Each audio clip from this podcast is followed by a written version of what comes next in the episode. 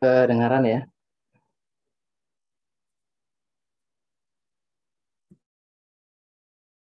Oke, sebentar.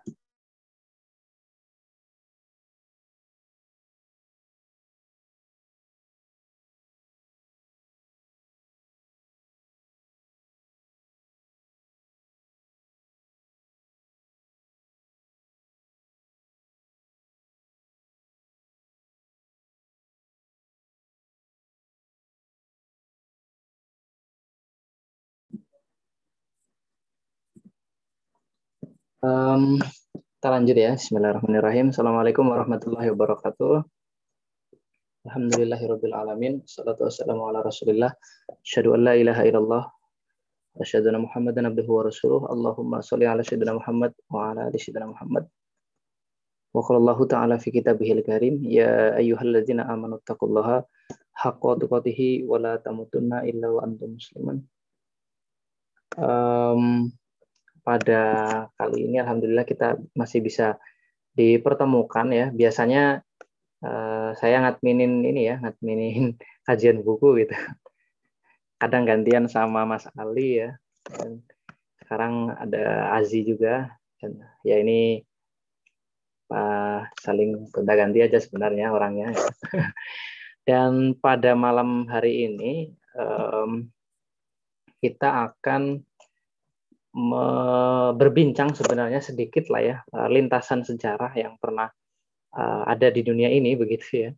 Dan sekaligus momentumnya uh, pas begitu ya dengan uh, kemarin tanggal 12 Februari ini adalah bertepatan ya sekali dengan uh, wafatnya Imam Syahid Hasan Al-Banna begitu. Tepat 12 kemarin ya dan hari ini kita 13 Februari begitu dan uh, sekitar 72 tahun ya kalau kita hitung kalender secara masehinya kira-kira begitu. Nah, pada uh, selama 72 tahun itulah kemudian uh, Ikhwan ini berevolusi gitu kira-kira pengamat itu mengatakan seperti itu berevolusi. Nah, tapi sebelum jauh kita membahas itu, sebenarnya ya pada malam hari ini sesuai yang dikatakan moderator tadi, um, seperti yang dikatakan Azi, bahwa sebenarnya malam hari ini kita akan membedah serial inspirasi sebenarnya. Buku serial inspirasi ini, um, kalau kita, kalau yang sudah pernah membacanya begitu ya, di beberapa bab sebenarnya pembahasan tentang Hasan al-Banna ini nyangkut di beberapa itu nggak serta merta di satu bab karena buku ini lintas sejarah sebenarnya isinya. Nah, tapi karena karena malam ini kita uh, sesuai dengan tema kita adalah mengenang 72 tahun wafatnya Albana, maka bahasan pada kesempatan ini kita tidak akan mengulik semua isi buku itu ya, tapi hanya yang berkaitan dengan Imam Asyahid Hasan Albana saja begitu. Ada sekitar 18 peserta, alhamdulillah uh, bisa bersua ya dengan teman-teman semua. Eh, dari yang mulai kenal sampai yang tidak kenal ya. Dan semoga kita bisa saling mengenal juga tentunya. Pada sebelum kita uh, masuk saya tampilin dulu ya beberapa riwayat. Bukan riwayat ya tapi mungkin kalender-kalender peristiwa penting nah, share screen ya.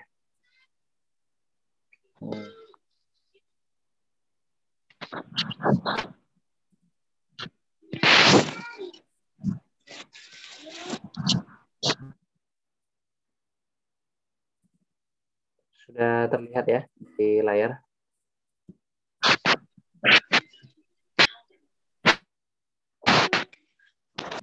Oke.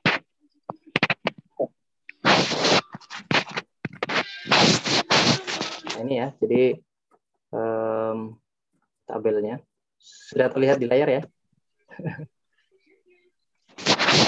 Oke, siap. Hmm. Ini fitur chatnya itu di mana sih? ya Allah. Lalu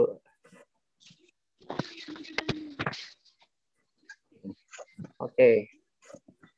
Um, ya tahun-tahun atau peristiwa penting. Tadi sebenarnya saya sudah um, mencoba menuliskan apa mungkin semua tidak masuk hanya beberapa uh, sampai Albana wafat ya karena uh, pada kesempatan kali ini kita akan membahas kiprah beliau dan bahkan mungkin di antara kita tidak atau kurang tahu begitu ya berkaitan dengan kiprah uh, beliau ini.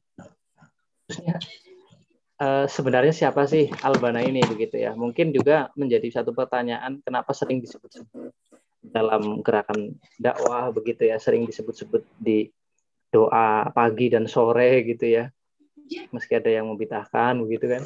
Kemudian sering disebut di ya majelis-majelis atau di mana pun berada itu bahkan disebut-sebut sebagai uh, dalangnya teroris begitu ya dan banyak sekali. Nah mungkin nanti hal-hal yang bersifat kontradiksi seperti itu juga nanti akan kita bahas termasuk pemikiran beliau. Kalau cukup waktunya tapi ya kalau nggak cukup ya karena nanti kita mungkin kita satu jam aja nanti kita bahas materi. Setelah itu kita banyak ngobrol aja ya.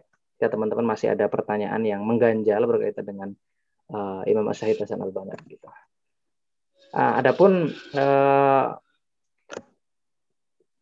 jadi kalau ngomongin beliau ya, kalau berbicara tentang Albana ini kita tidak bisa terlepas dari Ikhwanul Muslimin ya. Ini mau nggak mau karena memang perjalanan hidup beliau ini hampir ya isinya ya dakwah Ikhwan begitu, hampir seperti itu. Jadi tidak bisa dipisahkan antara sosok beliau dengan organisasinya begitu. Nah, beliau lahir di ini ya, apa? Mahmudiyah tahun 1906. Kemudian ini uh, kita bahas biografi singkatnya dulu ya. Kemudian di tahun 1915 beliau ini masuk di Madrasah Ar-Rasyad Ad-Diniyah. Ini sekitar usia 8 sampai 12 tahun. Nah, di sinilah beliau nanti bertemu dengan guru pertamanya ya, selain orang tua maksudnya, yaitu guru Syekh Muhammad Zahron. Kalau di Muzakirat Dakwah Wadaiyah beliau mengatakan bahkan sering menyebut nama gurunya ini sampai nanti di masa uh, beliau dewasa begitu. Nah, namun sebelum itu uh, beliau sendiri nanti belajar uh, ke ayahnya ya. Jadi ayahnya ini juga seorang ulama. Jadi ketika ada beberapa oknum yang menuduh bahwa Hasan Albana ini bukan seorang ulama, ternyata sosok di belakang Hasan Albana adalah seorang ulama hadis ya, yaitu bernama Syekh uh, Abdurrahman Albana Ahmad Abdurrahman Albana As'ati ya. Jadi di ba, di belakang namanya itu ada menyemat gelar As'ati yaitu karena ayah Handa Albana ini adalah tukang arloji ya kalau istilahnya jam tangan yang yang rumit itu ya. Nah, beliau ini ahli dalam soal itu, makanya masyarakat kemudian orang-orang sekitar situ menyebutnya dengan asaati gitu. Nah, itu profil ayahnya. Bahkan kalau kita cek di eh, apa buku yang ditulis oleh saudara Albana, Imam Masjid Hasan Albana maksudnya, eh, saudaranya itu menulis buku berkaitan dengan sosok ayahnya ini. Jadi dikisahkan beliau ini sampai uh, sampai sebelum uh, sampai sebelum apa namanya wafat itu sampai sebelum uh, wafat beliau itu menuliskan syarah tentang um, apa istilahnya? Syarah Musnad Imam Ahmad ya. Bahkan hampir sampai 20 4 atau 28 juz begitu. Jadi ini bukan orang sembarangan ya e, dari siapa? Ayahnya ayahandanya Albana ini. Ya, beliau ulama hadis bahkan dikatakan e, waktu itu sekelas Ibnu Katsir saja belum menyelesaikan e, berkaitan dengan e, syarah musnad begitu. Dan ayahanda Albana sampai uh, hampir selesai begitu. Walaupun nanti di hari akhir usianya ini tidak terselesaikan gara-gara uh, beliau ter, uh, larut dalam kesedihan karena dibunuhnya Albana begitu nanti di di tahun 49. Nah, kemudian uh, dari Madrasah Diniyah sekitar 18 dari Syekh Zahron ini pindah ke Madrasah Idadiyah kalau waktu itu di muzakiratnya disebutkan uh, ini madrasah idadiyah ini sekolah formal. Kalau Ar-Rasyad Adiniyah tadi bukan sekolah formal. Jadi kayak mungkin apa ya lembaga non formal gitu kali ya kalau di Indonesia begitu kayak sekolah-sekolah yang mungkin bukan negeri begitulah. Nah kemudian um, di usia-usia itu Albana sudah menunjukkan kegemilangannya ya kalau dalam catatannya Ahmad Jundi kalau nggak salah itu eh, seorang penulis biografinya salah satunya itu uh, menyebut di masa-masa ini pula uh, Albana ini sering diajak oleh syekhnya untuk atau guru-gurunya untuk menghadiri menghadiri diskusi ilmiah termasuk diskusi di perpustakaan. Nah ini uh, dicatat bahwa jarang sekali seorang anak dengan usia se sebegitu ya usia segitu belasan tahun ya dua belasan tahun ini diikutkan dalam diskusi-diskusi ilmiah termasuk kajian-kajian apa namanya perpustakaan begitu waktu itu dan ini yang membentuk banyak uh, kepribadian Albana nantinya gitu. Nah, di Madrasah Mu'alimin Al-Awaliyah di wilayah Damanhur, nah di sinilah kemudian Albana dikatakan dekat dengan tasawuf. Ya. Beliau mengikuti tasawuf uh, tarikat Hasofiyah. Ya, Hasofiyah kalau dalam muzakiratnya Hasofiyah Asaziliyah. Ya, ini katanya sih dengar-dengar tarikot ini sampai di Indonesia di di beberapa organisasi sampai NU katanya ya. Jadi saya belum mengcrosscheck uh, kebenaran apakah itu benar atau tidak karena ada beberapa teman yang menyebutkan uh, sampai tarekat itu sampai di di beberapa pesantren begitu di Indonesia karena memang uh, apa ini kan basisnya Mesir kan Al Azhar ya basisnya yang itu menjadi satu apa ya kiblat di apa pondok atau pendidikan agama di Indonesia. Nah, jadi uh, tasawuf itu juga yang sangat membentuk pada diri Albana di awal-awal kehidupannya. Bahkan yang kitab Ihya Ulumuddin itu menjadi satu apa ya, ya pegangan bagi bagi beliau waktu itu. Walaupun nanti di akhir uh, kepribadian beliau nanti beliau uh, akan condong ke arah salaf ya. Nanti ini kesaksian dari uh, Dr. Yusuf Kordowi berkaitan dengan uh, apa ya proses ininya beliau nanti. Nanti ada. Nah, kita ringkas saja ya karena waktunya kita terbatas dan tentang waktunya nanti tidak banyak sebenarnya sampai 49 hanya saja karena perkembangan Ikhwan waktu itu sangat pesat sehingga ada di, di mana waktu satu tahun itu perkembangannya luar biasa. Nah, kita lanjut um, di tahun 24 beliau masuk ke Darul Ulum ya sebenarnya waktu itu beliau bingung ya mau melanjutkan ke Darul Ulum atau ke Al Azhar. Jadi waktu itu ada dua universitas yang terkenal ya yaitu Darul Ulum, yang kemudian yang kedua Al Azhar ya. Al Azhar jelas lah ini prestisius sekali gitu kan. Nah, tapi karena memang cita-cita Hasan Albana waktu itu adalah menjadi guru ya, jadi ingin bermanfaat begitu bagi generasi selanjutnya, akhirnya beliau memilih ke Darul Ulum. Walaupun waktu itu beliau uh, sempat bingung ya uh, karena uh, kitab Ihya Ulumuddin itu sangat berpengaruh pada dirinya sehingga sampai terjadi apakah mau lanjut uh, sekolah atau tidak dan sebagainya sampai bingung gitu karena takut kalau ilmu yang didapatkan ini uh, menjadi kesombongan gitu ini uh, karena sangat terpengaruh oleh uh, tasawuf begitu. Nah, kemudian di tahun 25 nanti ada satu kejadian yang yang sebenarnya apa ya yang membuat keluarganya beliau dari Mahmudiyah itu pindah ke Kairo nanti ya. Sekeluarga jadi pindah ke dekat tempat sekolahnya Albana. Itu dilakukan karena ada satu peristiwa jadi Albana ini kan satu orang yang berprestasi di, di kampusnya begitu ya. Nah, ada ada uh, teman mahasiswa yang iri dan ingin mencoba melakukan bukan pembunuhan sih ya, tapi mungkin menyakiti ya istilahnya lebih lebih tepatnya mungkin begitu ya dalam padahal ini teman satu kontrakan gitu. Kalau kalau di Indonesia ya teman satu kontrakan. Nah dari situlah kemudian uh, keluarganya was was karena memang Albana ini salah satu orang yang sangat dicintai di keluarganya. Kemudian uh, apa namanya akhirnya keluarga pindah ke Kairo dan kemudian uh, mencari kontrakan lah kira-kira begitu ya. Nah perlu diingat juga uh, pendidikan ketika ada beberapa orang yang menuduh Albana ini bukan ahli agama, tidak ahli Al-Quran, gitu dan sebagainya. uh, ternyata beliau menyelesaikan hafalan 30 juz itu ketika di madrasah uh, ini mas ketika awal-awal masuk madrasah mualimin ya dan itu langsung di bawah bimbingan Syekh Zahron maupun ayah handanya sendiri begitu yang memang uh, ulama ahli hadis gitu ya kemudian di tahun 2526 ini karena ada satu jarak atau perbedaan yang sangat jauh nanti um, Syekh Jum'ah Amin Abdul Aziz, saya ingat saya itu pernah menuliskan persoalan ini di Tarikh Al-Ikhwan Al-Muslimun. Ya, ada tiga jilid itu bukunya. Dan kalau dicari sekarang sudah nggak ada gitu ya. Ya, nggak tahu ke mana.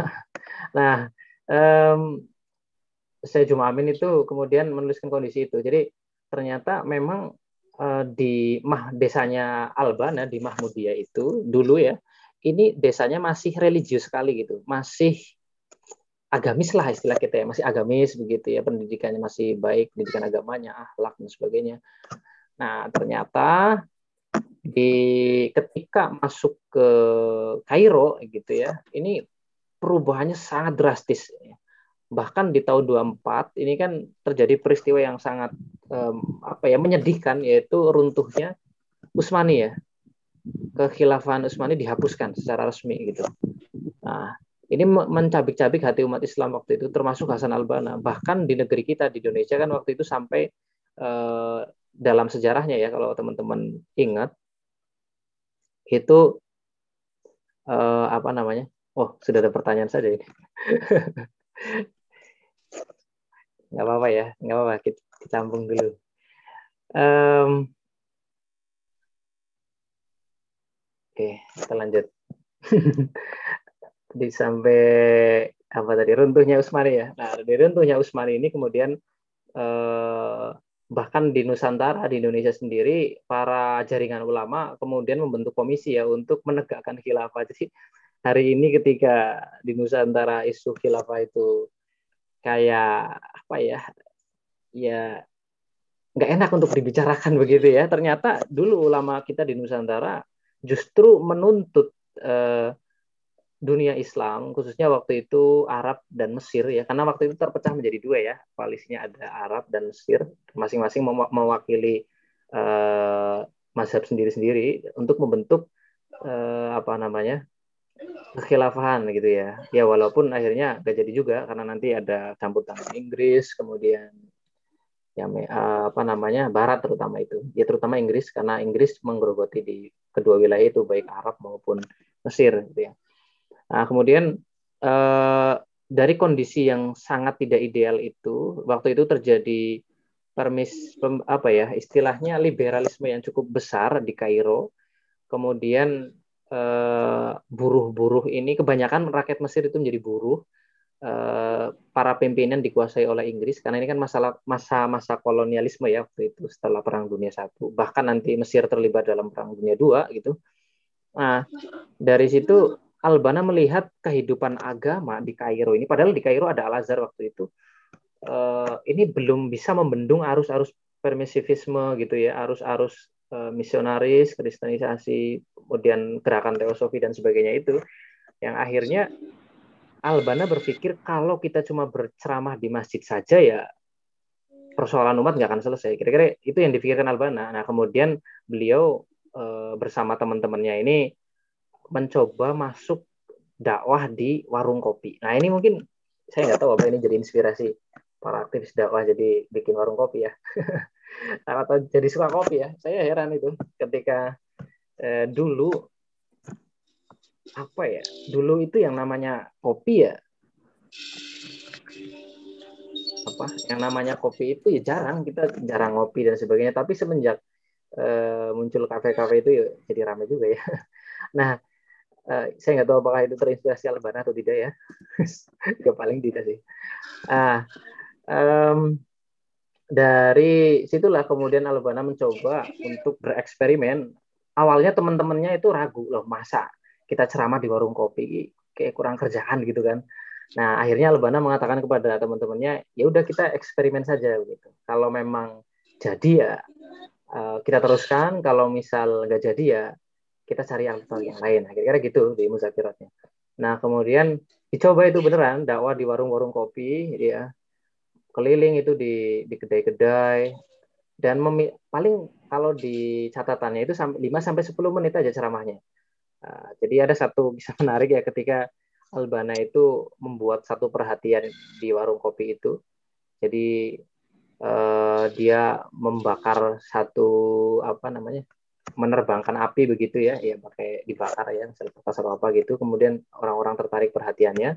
Kemudian beliau eh, ceramah 5 sampai 10 menit berkaitan dengan uh, akidah tentang uh, kewajiban umat Islam kira-kira gitu ya.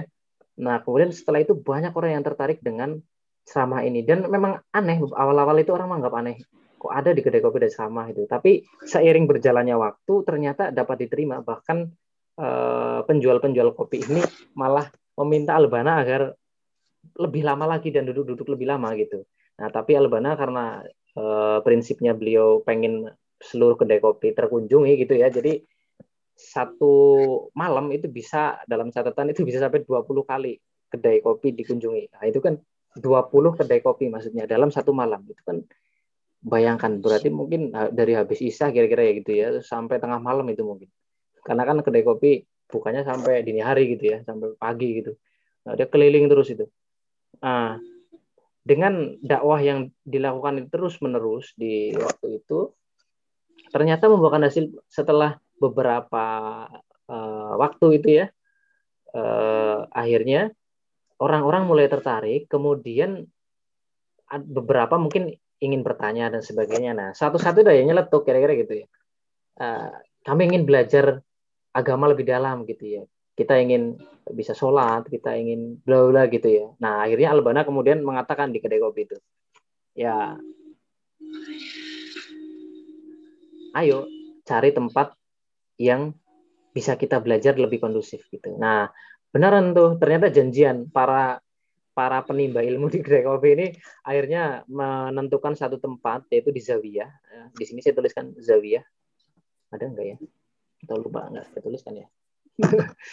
nah, di Zawiyah ini kemudian eh, dilangsungkan waktu itu ternyata banyak sekali buruh-buruh waktu itu belum bisa eh, ya belum bisa sholat begitu.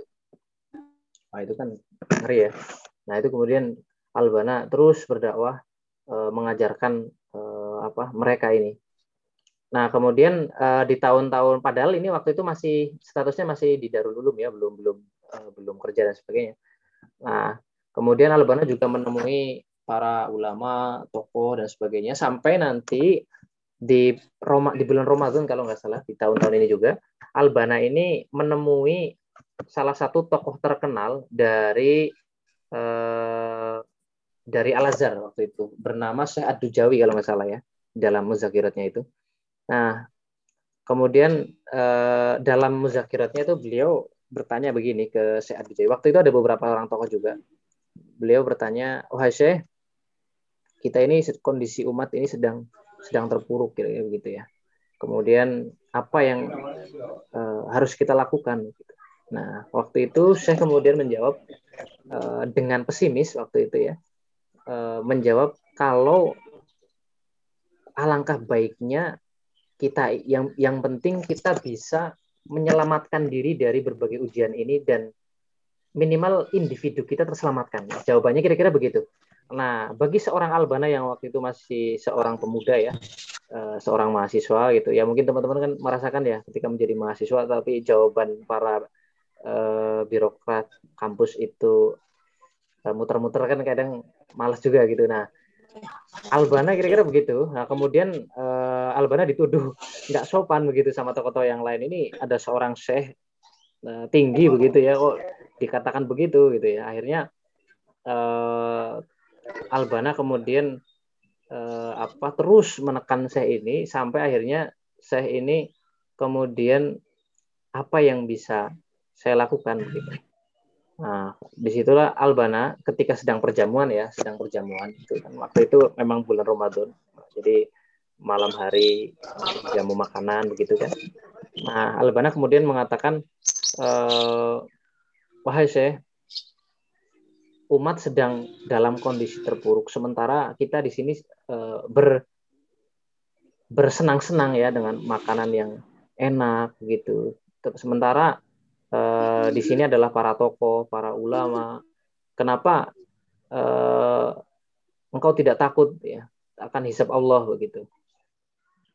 Apakah ada tokoh di luar kalian yang bisa saya temui untuk mengatasi persoalan umat ini? Nah, kira-kira Albana ngomong kayak gitulah. Ya, kalimatnya mungkin agak kurang sopan ya.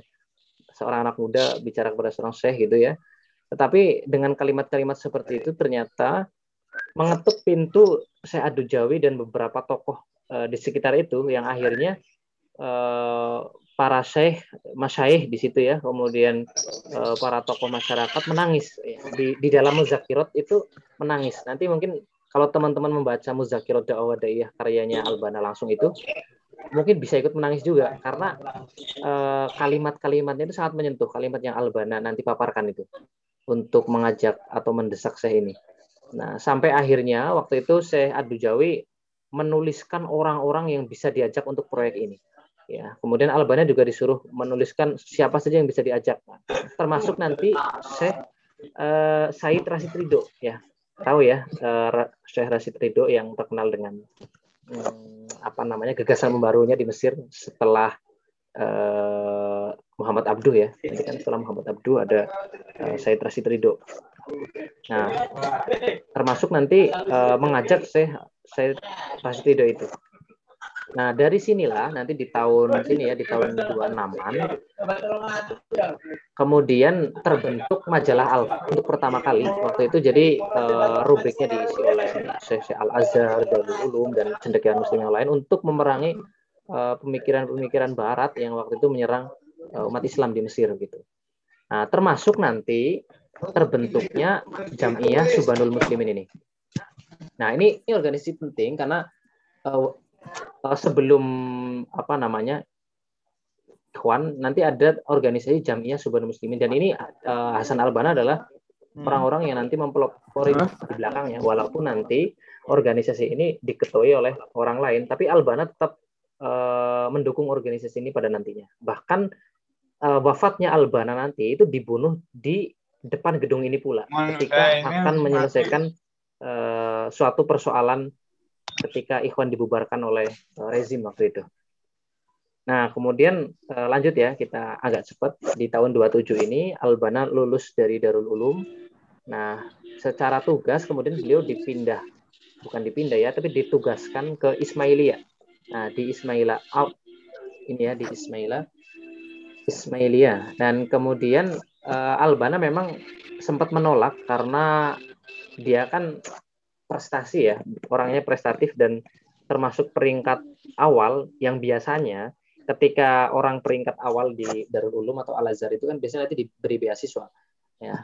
Tradisinya entah beasiswa ke luar negeri atau beasiswa ke universitas atau jenjang yang di atasnya dan sebagainya gitu. Nah, tetapi waktu itu tidak ada berkaitan dengan itu dan Albana juga cukup kecewa waktu itu karena ternyata hanya ditempatkan di Ismailia yang waktu itu masih ya terasa sangat jauh lah dari ibu kota atau terasa jauh dari uh, apa istilahnya ya perkotaan dan sebagainya gitu. Nah, tetapi akhirnya eh, setelah dikonsultasikan ke para masyaihnya diambillah kota Ismailia dan pada nantinya inilah kota yang akan menjadi dasar bahkan basis paling kuat dari Ikhwan sebelum nanti pindah ke Kairo. Gitu.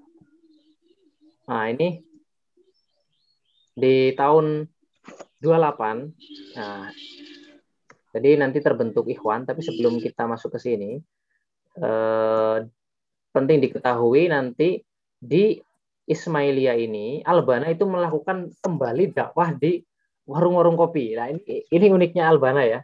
Ternyata Eh, ketika datang ke Ismailia, kota Ismailia ini ternyata dikuasai oleh Inggris ya. Dalam arti ya Mesir secara keseluruhan memang dikuasai Inggris, tapi uh, warga asing menguasai hampir seluruh uh, apa ya istilahnya apa yang dibutuhkan oleh kota ini. Mulai bahkan terusan Suez yang menjadi satu ciri penting kehidupan Mesir itu ada di kota ini. Dan ini dikuasai oleh Inggris bahkan uh, perusahaannya ini dikelola oleh Perancis waktu itu. Jadi udah lengkap ada Perancis, ada Inggris ya. Kemudian masyarakat di situ kebanyakan buruh dan menjadi dalam tanda kutip budak ya dari para warga asing.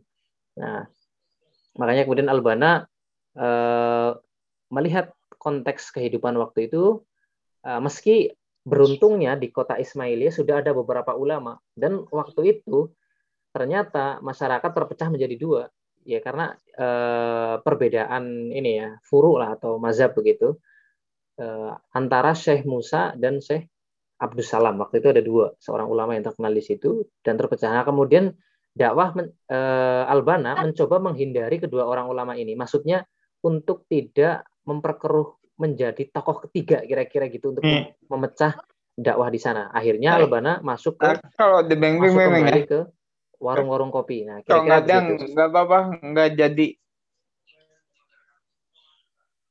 Nah, lanjut ya. Um,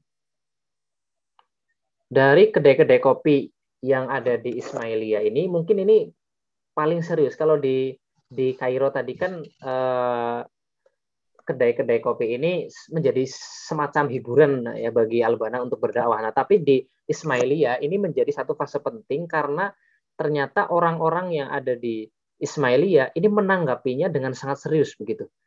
Nah, nanti eh, setelah berdakwah di kedai-kedai kopi tercatat bahwa orang-orang dari kedai kopi ini hijrah ya. Hijrah nanti belajar wudhu belajar sholat ya, belajar agama di musola atau zawiyah. Nah, dari sinilah nanti banyak orang yang tertarik dengan dakwah al-bana sampai akhirnya nanti uh, di tahun 28 ini ada sekitar enam orang yang dia ini kebanyakan pegawai dari terusan Suez. Pegawai itu maksudnya bukan pegawai tinggi ya. Ada yang tukang setrika, ada yang uh, sopir, ada yang uh, apa istilahnya itu laundry, tukang laundry ya, cuci, cuci baju gitu ya. Nah, keenam buruh ini kemudian datang menemui Albana, kira-kira gitu. Mereka dan mereka ini hasil dakwah di kedai kopi ya, jangan salah gitu. Nah, kemudian eh, keenam eh, murid atau sahabat ini menyampaikan pendapatnya bahwa mereka ingin berjuang di jalan dakwah gitu ya. Mereka ingin uh, berjuang untuk agama, menegakkan kewajiban gitu ya. Tetapi mereka tidak tahu gimana caranya, kemudian strateginya seperti apa dan dia percaya bahwa orang yang tahu itu adalah Hasan Albana, kira-kira gitu. Nah, akhirnya uh, eh, yeah. keenam orang ini yeah. Iya. uh, ingin mendorong lah, mendesak Albana untuk membuat sebuah perserikatan ya atau istilahnya organisasi lah atau perkumpulan begitu untuk kemudian merekrut lebih banyak orang ya, agar uh, dakwah ini bisa terus berkembang. Nah kira-kira gitu. Nah dari situ Albana sangat terharu gitu. Nah di di Mustafira diceritakan beliau sampai menangis begitu ya sampai terharu. Ada ada keinginan yang sangat tulus dari para buruh begitu untuk mendirikan uh, suatu organisasi dalam tanda kutip ya. Nah, ah. kemudian Albana meminta mereka untuk berbaiat bersama-sama. Jadi baiat yang dilakukan Albana waktu itu adalah uh, berkaitan dengan baiat amal, bukan baiat khalifah ya. Ya ini yang yang sering disalahartikan karena beberapa nanti eh, apa namanya beberapa orang kemudian memberikan fatwa fatwa sesat kepada Ikhwan karena bayat ini gitu. Nah, waktu itu bayatnya adalah bayat untuk berjanji kepada Allah bahwa uh, kita kita di sini maksudnya anggota Ikhwan uh, enam orang ini dan asal karena untuk berdakwah atau memberikan hidupnya untuk dakwah kepada Islam. Nah, kira-kira gitu. Nah, itu isi bayatnya. Nah, setelah berjanji membaiat diri masing-masing, ber, berbaiat bersama-sama itu, uh, akhirnya salah seorang dari mereka bertanya, wahai Ustadz, wahai saya, kita akan kita namakan apa organisasi ini, kira-kira gitu. Nah, kemudian apakah tarikat, apakah eh, perhimpunan, ataukah organisasi lembaga apa gitu. Nah, akhirnya Albana menjawab, eh, kita terlepas dari itu semua, kita ingin membuang jauh-jauh formalitas hal seperti itu. Eh, karena kita ini adalah uh, saling bersaudara ya karena kita ini saling bersaudara dan cita-cita kita adalah berkhidmat untuk Islam, maka kita namakan uh, perkumpulan kita ini sebagai jam Al Ikhwan Al Muslimun. Jadi gitu ya. Nah, jadi redaksi Al Ikhwan Al Muslimun itu terbentuk dari situ. Jadi bukan terbentuk dari perdebatan panjang nama organisasi kita apa, ya perlu kita tinjau secara uh, bahasa seperti apa. Bukan bukan seperti itu ya. Jadi sejarahnya Ikhwan itu sangat unik. Jadi ya karena kita saudara muslim, ya saudara seiman, kemudian kita berkhidmat untuk Islam, ya udah namanya Al Ikhwan al-muslimun. Nah, kira-kira gitu terbentuk. Nah, kemudian setelah itu langsung eh, program yang pertama didirikan waktu itu adalah membentuk sekretariat, lalu membentuk eh, pesantren, istilahnya madrasah tazib kalau istilahnya ikhwan itu. Madrasah tazib yang mendidik orang-orang yang ingin bertobat, kira-kira gitu.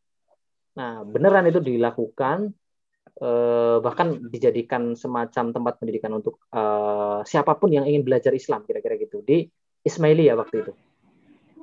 Nah, sampai 1928 itu terhimpun sekitar 70 anggota ya. Dan ini nanti akan meningkat drastis di sampai cabang-cabangnya lain. Nanti kita akan bahas di beberapa tahun berikutnya ya. Nih, waktu kita 10 menit lagi ya. kita baru sampai uh, terbentuknya itu. Ah, lanjut ke Madrasah Tazib. Jadi di Madrasah Tazib ini kemudian uh, nanti tercatat di Albana di sini masih mengandalkan kedai kopi sebagai sebagai jalan atau cara dakwahnya ya. Bahkan setiap malam dikisahkan itu sampai banyak orang yang pulang dari kedai kopi dalam keadaan mabuk itu mengikuti Hasan Albana. Ke mana? Ke Madrasah Tazib. Mereka kemudian bertaubat, meminta dibimbing eh, keberislaman, bagaimana caranya beribadah, sholat, dan sebagainya. Dari, bahkan nanti dicatat sampai orang-orang yang dulunya uh, bermaksiat seperti ini mereka akhirnya menjadi dai-dai yang yang rela untuk membela Islam gitu. Nah, dari di tahun ini pula nanti di tahun 29 nanti Ikhwan membangun masjid, kemudian membentuk uh, lembaga pendidikan di Ismailia ya. Bahkan termasuk terbentuknya cabang-cabang Ikhwan ada di Sidrahid, ada Abu Suair, ada di Port Said, Ya, jadi sudah mulai masuk ke wilayah-wilayah yang lain. Nah, tetapi yang perlu diingat, awal-awal Ikhwan berdiri ini, Ikhwan tidak uh, face to face menghadapi masalah politik dengan dalam tanda kutip keras begitu ya.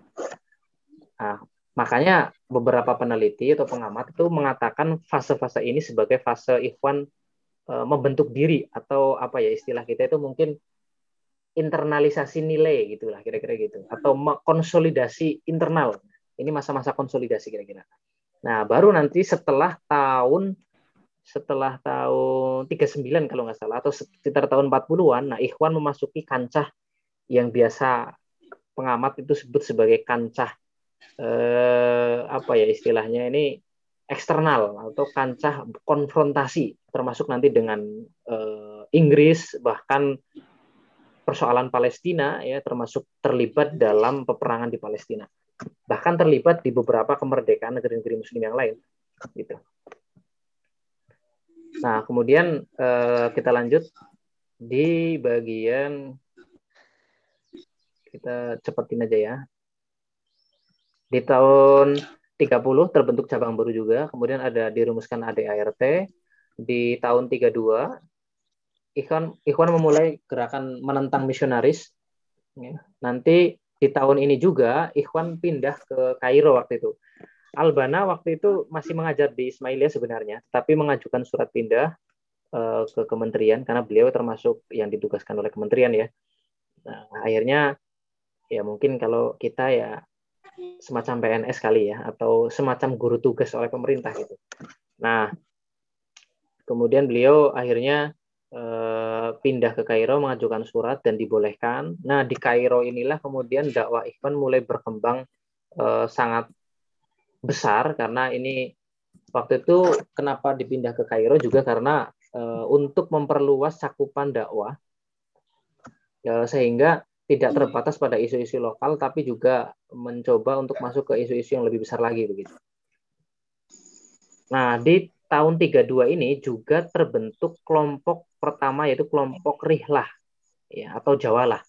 Ini bukan Rihlah seperti yang kita kenal ya. Kalau kita kenal Rihlah itu kan cuma jalan-jalan, makan, pulang gitu ya. Nah, Rihlahnya Ikhwan itu berbeda. Jawalahnya Ikhwan ini sangat berbeda dengan konsep yang kita kenal.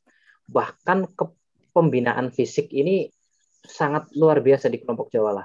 Nanti akan kita bicarakan di di beberapa uh, segmen ke belakang ya di tahun-tahun berikutnya karena nanti dari Jawalah atau Rihla ini nanti akan lahir kelompok-kelompok katibah atau batalion.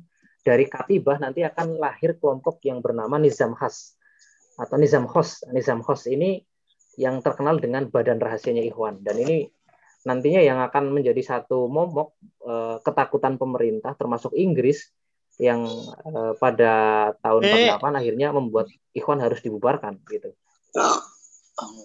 Nah, kemudian di tahun 33 ini Albana pindah ke Kairo. Oke, udah bayar belum? Udah bayar? Uh, udah. Di ya. Udah katanya.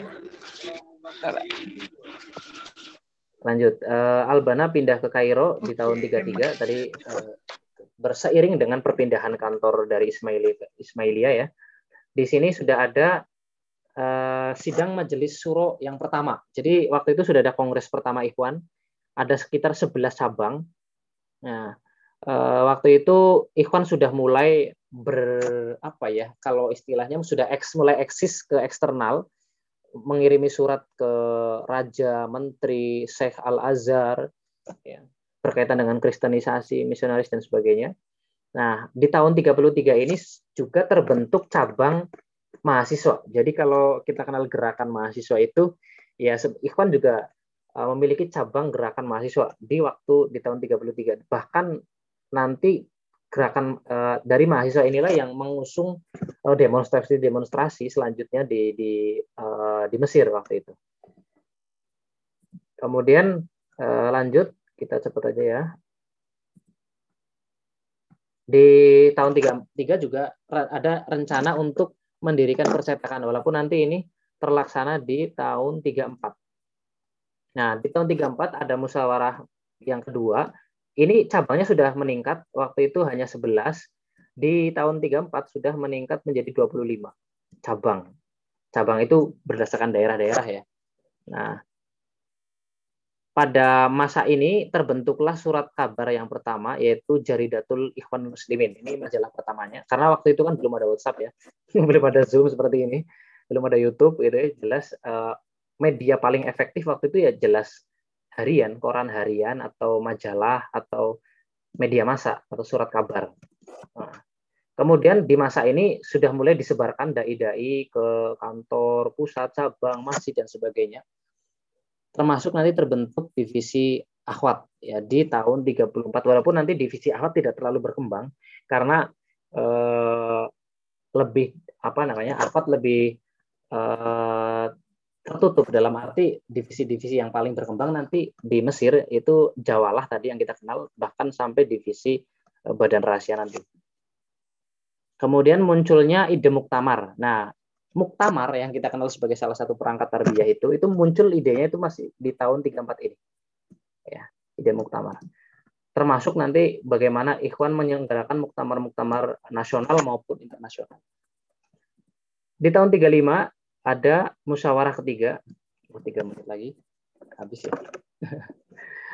um, di musyawarah ketiga ini ada penambahan divisi ya, yaitu divisi rihlah. Tadi yang saya katakan divisi jawalah atau rihlah itu masuk. Dan perlu diingat rihlah versi Ikhwan bukan rihlah versi kita ya yang kerjanya cuma jalan dan makan-makan, tapi ini berkaitan dengan fisik nanti, termasuk uh, nanti apa istilahnya dasar dari terbentuknya kepanduan. Nah, kemudian di sini pula dicetuskan penjenjangan-penjenjangan dalam sistem kaderisasi Ikhwan. Di tahun 35 ini juga uh, Albana mengutus saudaranya yaitu Abdurrahman Albana untuk pergi ke Palestina uh, mengingat waktu itu uh, berkaitan dengan Palestina isu ini terkait keras yaitu dengan adanya migrasi iya, iya. Eh, orang-orang uh, Israel iya, atau Yahudi gitu ya ke ke Palestina gitu. Nah, di tahun 36 ini kita lanjut ya. Albana me mengirim surat kepada Raja Faruk. Ini terkenal dengan surat Nahwan Nur. Nanti teman-teman bisa cek di Majmuatur Rasail. Nanti ada risalah yang berjudul Nahwan Nur dan ini ditujukan untuk kepada raja perdana menteri bahkan negeri-negeri muslim. Waktu itu Albana meng, apa, naik haji dan ketika dan ini sangat prestisius ketika Albana naik haji ini sampai diberitakan di berbagai media massa karena pengikutnya waktu itu sudah sangat banyak ya Ikhwan itu. Bahkan kerajaan Arab waktu itu menjamu secara khusus Albana dan uh, anggota Ikhwan. Waktu itu dalam catatan Syekh Jumah Amin Abdul Aziz, beliau mencatat bahwa dalam satu studi penelitinya di masa ini sebenarnya ada rencana pembunuhan kepada Albana waktu itu. Nah, tetapi ini bisa digagalkan berkat uh, waktu itu dari kerajaan Arab sudah mengendus soal ini. Makanya Albana kemudian ditempatkan di tempat khusus kerajaan. Jadi penjaganya sangat ketat kira-kira itu. Nah, di tahun ini pula nanti eh, apa namanya? isu Palestina ini terus diangkat termasuk pros, eh, pemboikotan produk ya Yahudi kira-kira gitu ya, kemudian Inggris dan sebagainya kayak gitulah. Yang berkaitan dengan Palestina. Nah, kita lanjut ke tahun 37 ternyata di tubuh Ikhwan ada juga keretakan. Jadi jangan dilihat Ikhwan ini adalah organisasi yang suci begitu ya, tapi ternyata ada juga keretakan internal. Nah, keretakan internal ini terjadi ketika ada sebagian pemuda-pemuda di Ikhwan ini terlalu bersemangat. Jadi kalau kita lihat sejarahnya itu, Albana ini kan meng, eh, menjadikan revolusi atau kekuatan itu pilihan terakhir. Nah, sementara anak-anak muda di, di Ikhwan itu beberapa memiliki sikap yang berbeda. Mereka lebih memilih, ya kalau kita sudah punya anggota banyak, kekuatan yang sangat banyak, kenapa kita tidak melakukan revolusi? Nah, kira-kira gitu. Kenapa kita tidak melakukan, eh, kalau istilah kita mungkin kudeta begitu ya, untuk me mendeklarasikan Islam? Kenapa kemudian kita tidak eh, mengirim pasukan ke Palestina untuk berperang, kenapa kita hanya mengumpulkan dana, donasi, sumbangan kepada apa saudara di Palestina? Nah, kira-kira gitu. Pertanyaan-pertanyaan itu muncul di kalangan pemuda Ikhwan yang yang terlalu bersemangat, yang akhirnya waktu itu uh, memunculkan keretakan, bahkan beberapa anggota dari anak muda ini keluar, ya keluar dari Ikhwan untuk uh, membuat gerakan-gerakan sendiri begitu dengan pemikirannya. Nah, dari di tahun 37 nanti terbentuk ini ya. Ada eh, apa? Kok malah guys ya. Ada katibah atau batalion ya. Kalau kita belajar di perangkat tarbiyah itu kan katibah itu seolah-olah kayak kumpulan liko, usro gitu ya. Tetapi ternyata di di Ikhwan itu katibah itu punya eh, kelompok yang apa ya bersifat fisik juga nanti, tidak serta-merta eh, pengetahuan. Nah, maka nanti dari katibah ini yang akan diseleksi pula masuk ke dalam nizam nizam khas atau host itu tadi ya, eh, badan rahasia Ikhwan. Kita lanjut ke 38 biar cepet ini masih banyak ya. Kita udah lebih dua menit. Saya mohon izin waktu, nambah waktu ya, teman-teman. Semoga tidak bosan ya karena ini sejarah jadi mungkin agak membosankan. Nah di 38 ini eh, ada muktamar mahasiswa IM, muktamar mahasiswa Ikhwan waktu itu. Nah di sini kita telah melihat pencapaian yang luar biasa yaitu sekitar 300 cabang ya, di tahun 38. Dari berapa tadi? 25-an ya, 25 atau ditambah beberapa divisi di tahun 38 hanya dalam kurun waktu berapa tahun ini? sekitar tiga tahun ya, sekitar 2 sampai tiga tahun telah terbentuk 300 cabang di mana setiap cabang ini memiliki perusahaan, perpustakaan dan klub-klub uh, olahraga, klub-klub jawala, klub-klub katibah tadi gitu ya. Artinya uh, ini pencapaian sangat luar biasa. Makanya ada beberapa uh, pengamat dari barat itu sampai mengatakan ya Albana ini ya orang yang orang yang dia punya pengikut paling banyak. Nah, makanya nanti di akhir eh, di tahun 40-an itu kenapa Raja Faruk, Raja Mesir sangat ketakutan dengan Ikhwan? Salah satunya karena ini.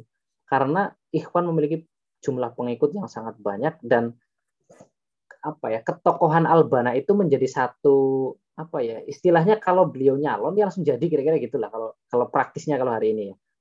Walaupun nanti beliau juga ya nyalon tapi nanti digagalkan ya oleh pihak kerajaan. Nah kemudian eh, di tahun 39 terselenggara muktamar kelima. Nah di sini eh, ini mungkin menjadi salah satu fase muktamar paling kelihatan bagaimana corak gagasan IM termasuk nanti berkaitan dengan reformasi Ikhwan. Jadi sekali lagi Ikhwan e, tidak mengusung revolusi ya, tapi revolusi itu pilihan terakhir. Ya, tapi dimulai dari e, kalau Abulan mengatakan itu dari keimanan ya, dari persaudaraan atau dari e, agama pengetahuan terlebih dahulu ya, untuk memperbarui atau mereformasi masyarakat kira-kira gitu. Nah, di ceramahnya Albana ini di Kairo, Albana biasa setiap berapa pekan satu minggu sekali, yaitu ceramah setiap hari Selasa ini, itu didatangi sekitar empat ribuan orang. Coba bayangkan ya, beliau setiap habis maghrib di hari Selasa ceramah itu kira-kira pendengarnya itu empat ribuan orang di kantor pusat. Itu kan sesuatu yang apa ya? Itu ngeri ya, itu ngeri sekali itu.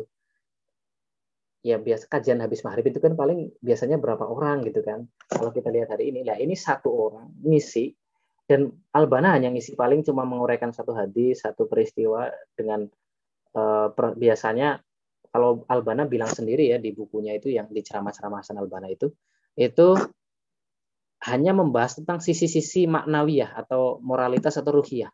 Tidak membahas tentang isu politik isu ekonomi itu enggak tapi yang hadir sekitar 4.000. Itu kan sesuatu yang sangat luar biasa. Hanya dan itu terbatas dari maghrib sampai isya. Nah, kemudian di tahun ini juga Ikhwan sudah masuk ke dalam gelanggang politik ya secara face to face ya. Nah, di, di tahun ini pula Mesir terlibat perang dunia kedua melawan Inggris. Nah, ini sangat berpengaruh nanti termasuk keretakan Albana dengan pemerintahan karena waktu itu Albana mendorong agar kerajaan maupun pemerintahan untuk tidak berkoalisi dengan Inggris, bahkan kalau bisa ya berjihad mengeluarkan Inggris dari Mesir begitu. Nah, tetapi uh, di tahun-tahun itu pula uh, itu tidak diakomodir sehingga nanti demonstrasi di mana-mana terjadi begitu. Nah, nizam khas, nizam khos atau badan khusus, nah ini terbentuk di tahun 4 bulan ini. Nah, meski ini tidak beberapa anggota banyak anggota Ivan juga yang nggak tahu tentang ini karena langsung di bawah pengawasan Mursid Am waktu itu atau Albana. Uh, lanjut di tahun 41, nanti kita sampai tahun 49 ya, nanti kita ringkas saja karena 49 nanti Albana dibunuh. Nah, tapi untuk mengetahui kenapa beliau dibunuh, nanti peristiwanya dimulai dari masa-masa ini. Ya, jadi uh, waktu itu terjadi sering terjadi demonstrasi, bahkan istana raja sampai dikepung ini ya oleh pihak Inggris karena Inggris selalu dituntut oleh masyarakat dan uh, ini termasuk mungkin konteksnya sangat berbeda ya kalau kita bandingkan dengan Indonesia waktu itu. Di sini pihak kerajaan maupun pemerintahan benar-benar uh, sangat tergantung pada Inggris waktu itu. Dalam arti tidak bisa berkutik, tidak berani melawan walaupun pihak kerajaan waktu itu sempat independen sikapnya, tetapi ya karena berkaitan dengan kedudukan ya mereka eh, tetap akhirnya tergantung kepada kepada Inggris. Nah eh, di sini Albana mundur dari pencalonan di pemilu. Jadi kalau ada yang mengatakan Albana ini eh, tidak suka terhadap parlemen atau sistem demokrasi dan sebagainya, sebenarnya tidak benar juga karena ternyata Albana mencalonkan diri di pemilu waktu itu meski beliau dan teman-temannya mundur dikarenakan ancaman dari bukan ancaman tapi memang uh, pihak kerajaan dan pemerintahan menutup ini ya menutup uh, Ikhwan waktu itu menutup Ikhwan tidak di, dibolehkan beroperasi. Akhirnya Albana bernegosiasi dan diputuskan ketika Albana mundur dari pencalonan maka Ikhwan akan dibuka kembali. Nah kira-kira gitu. Nah, ini kan satu yang lobby-lobby yang sangat pinter ya dari kerajaan. Akhirnya Albana menyanggupi nah pihak kerajaan atau pemerintahan tahu ketika Albana nyalon gitu ya, pasti terjadi. Gak mungkin gak jadi. Kenapa? Karena ya setiap satu kajian aja 4.000 orang yang hadir gitu ya, itu baru kajian mahasiswa sampai bisa gitu.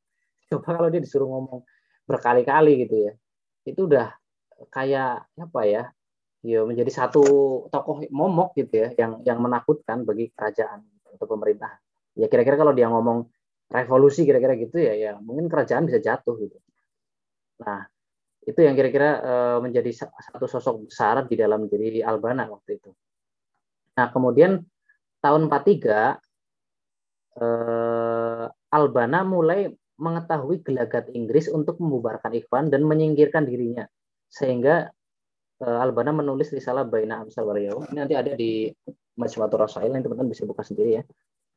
Nah, di sini Nizam Khas mulai aktif.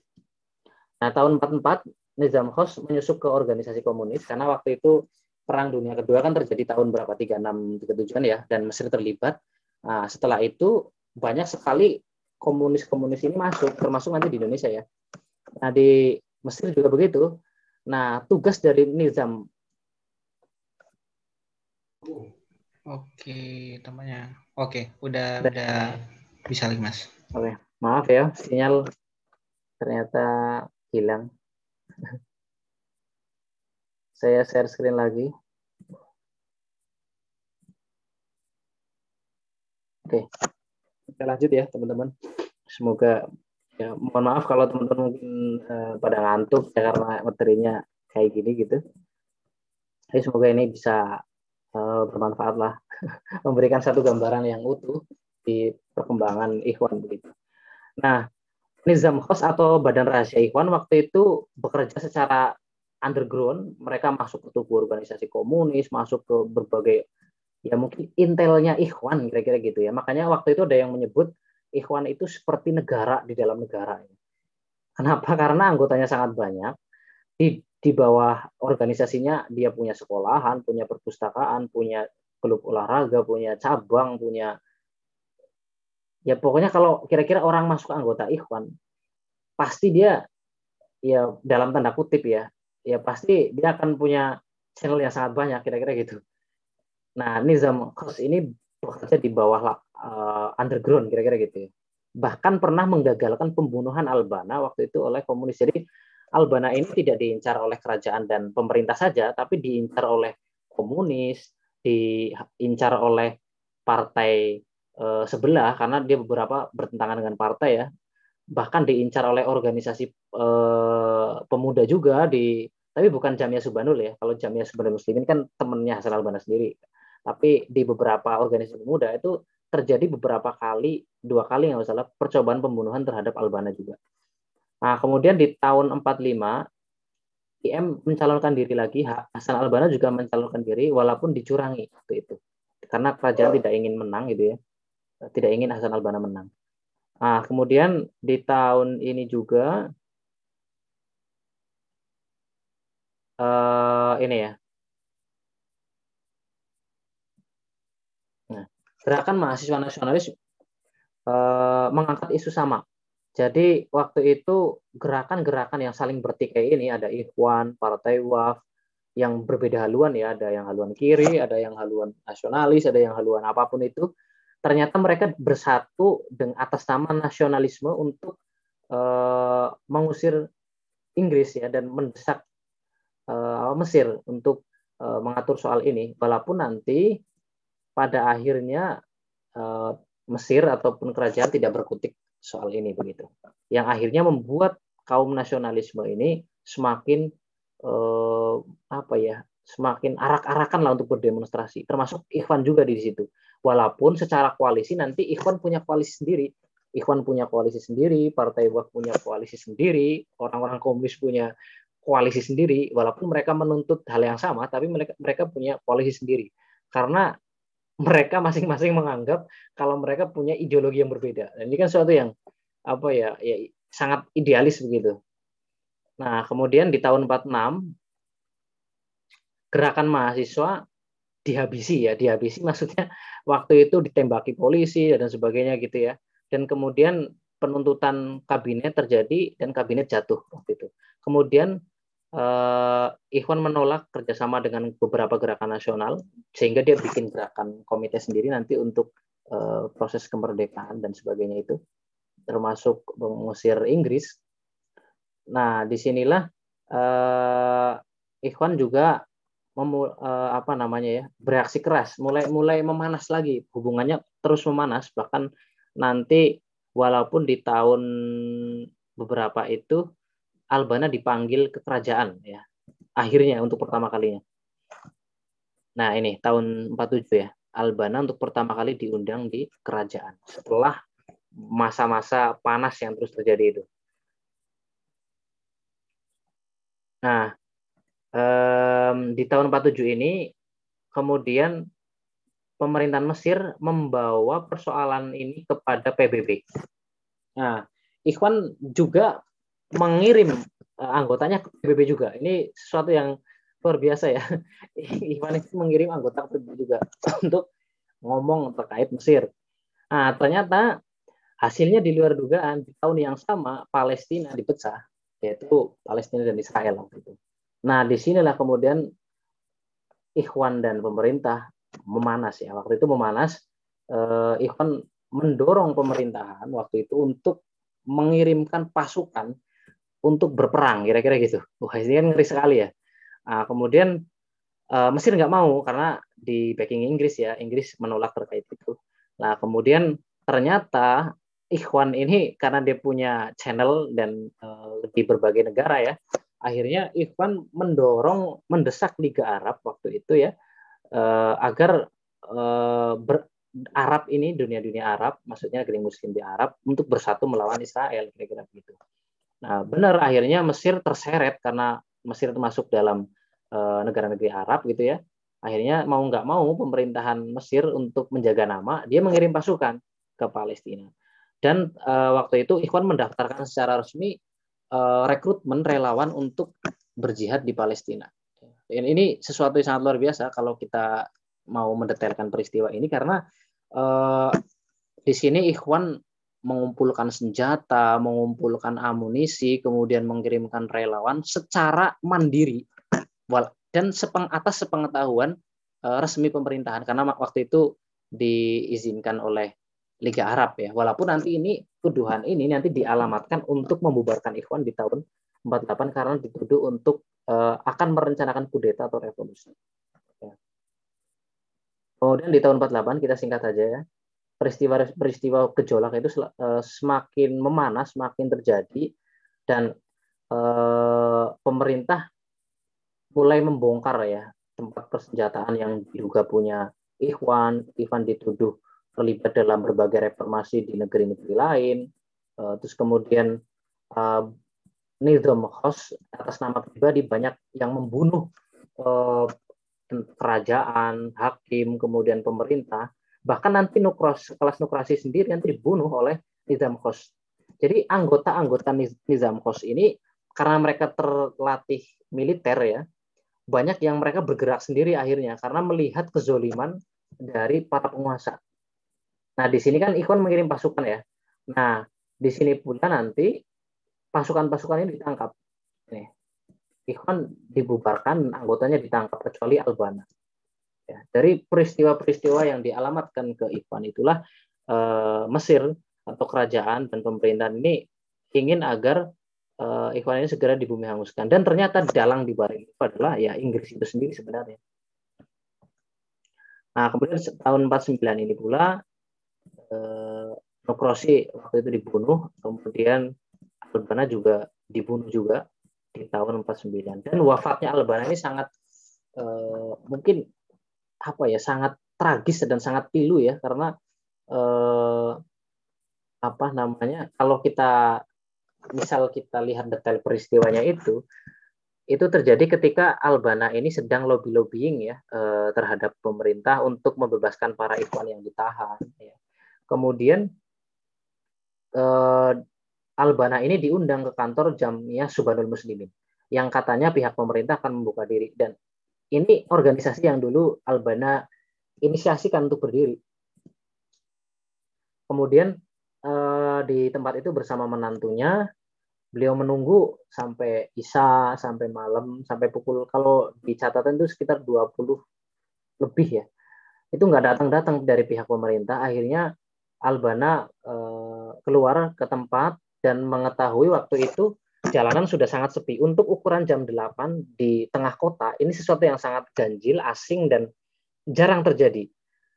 Akhirnya Albana sudah mulai curiga. Dan ketika ada taksi lewat, eh, dua orang ini, Albana dan menantunya masuk untuk pulang.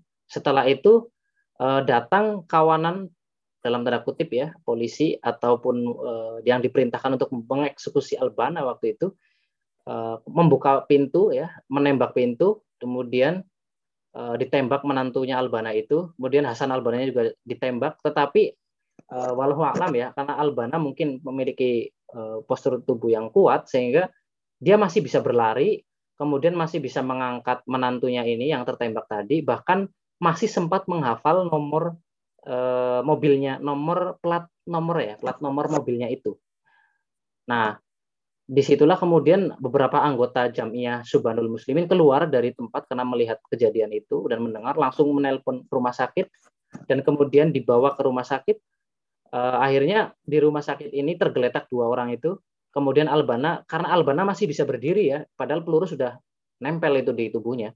Tapi Albana masih bisa berdiri, kemudian memerintahkan para kesehatan untuk menangani menantunya dia lupa sendiri ya dengan dirinya begitu. Kemudian eh, datang waktu itu utusan dari pemerintah ke eh, ke apa tadi rumah sakit untuk memastikan Albana ini sudah meninggal atau belum. Ternyata utusannya ini marah gitu. Sampai bertemu dengan Hasan Albana loh kok belum mati? gitu. Nah jadi uh, di tengah kesedihannya itu dia masih sempat berbicara seperti itu ya uh, utusan kerajaan ini Akhirnya dia keluar, kemudian dari pihak kerajaan e, melarang dokter untuk merawat Hasan Albana dan memisahkannya sampai nanti darahnya habis kira-kira gitu. Bahkan di situ para nekes ya para e, dokter ini sangat sedih karena ya siapa sih orang yang nggak tahu Albana ya. Ketika disebutkan nama Albana pasti semua tahu gitu. Dan karena tidak bisa menolong akhirnya e, ya karena ini atas perintah kerajaan bahkan waktu itu raja itu datang langsung ke rumah sakit hanya untuk memastikan Albana ini udah meninggal begitu. Waktu itu memang ancaman Inggris jika Ikhwan tidak dibubarkan ataupun Albana tidak dibunuh adalah eh, Inggris akan menduduki eh, Mesir lagi, menduduki dalam tanda kutip akan menyerang Mesir begitu, akan eh, apa namanya menguasai Mesir kembali gitu kira-kira. Walaupun sebenarnya ya Inggris masih menguasai gitu.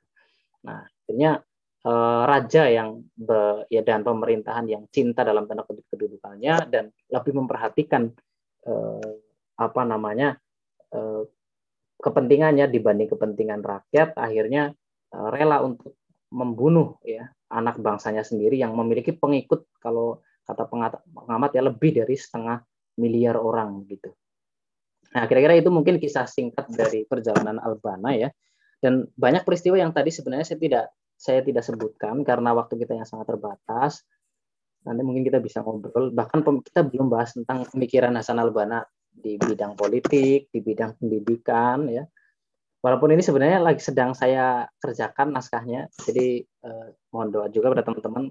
Eh, saya sedang menyusun terkait eh, buku ini karena saya rasa di Indonesia buku ini buku yang membahas tentang ini belum ada begitu ya. Dalam arti eh, apa namanya referensi-referensi utamanya sudah tidak ada. Ya sudah diter, tidak terbit ataupun susah dicari dan sebagainya. Begitu.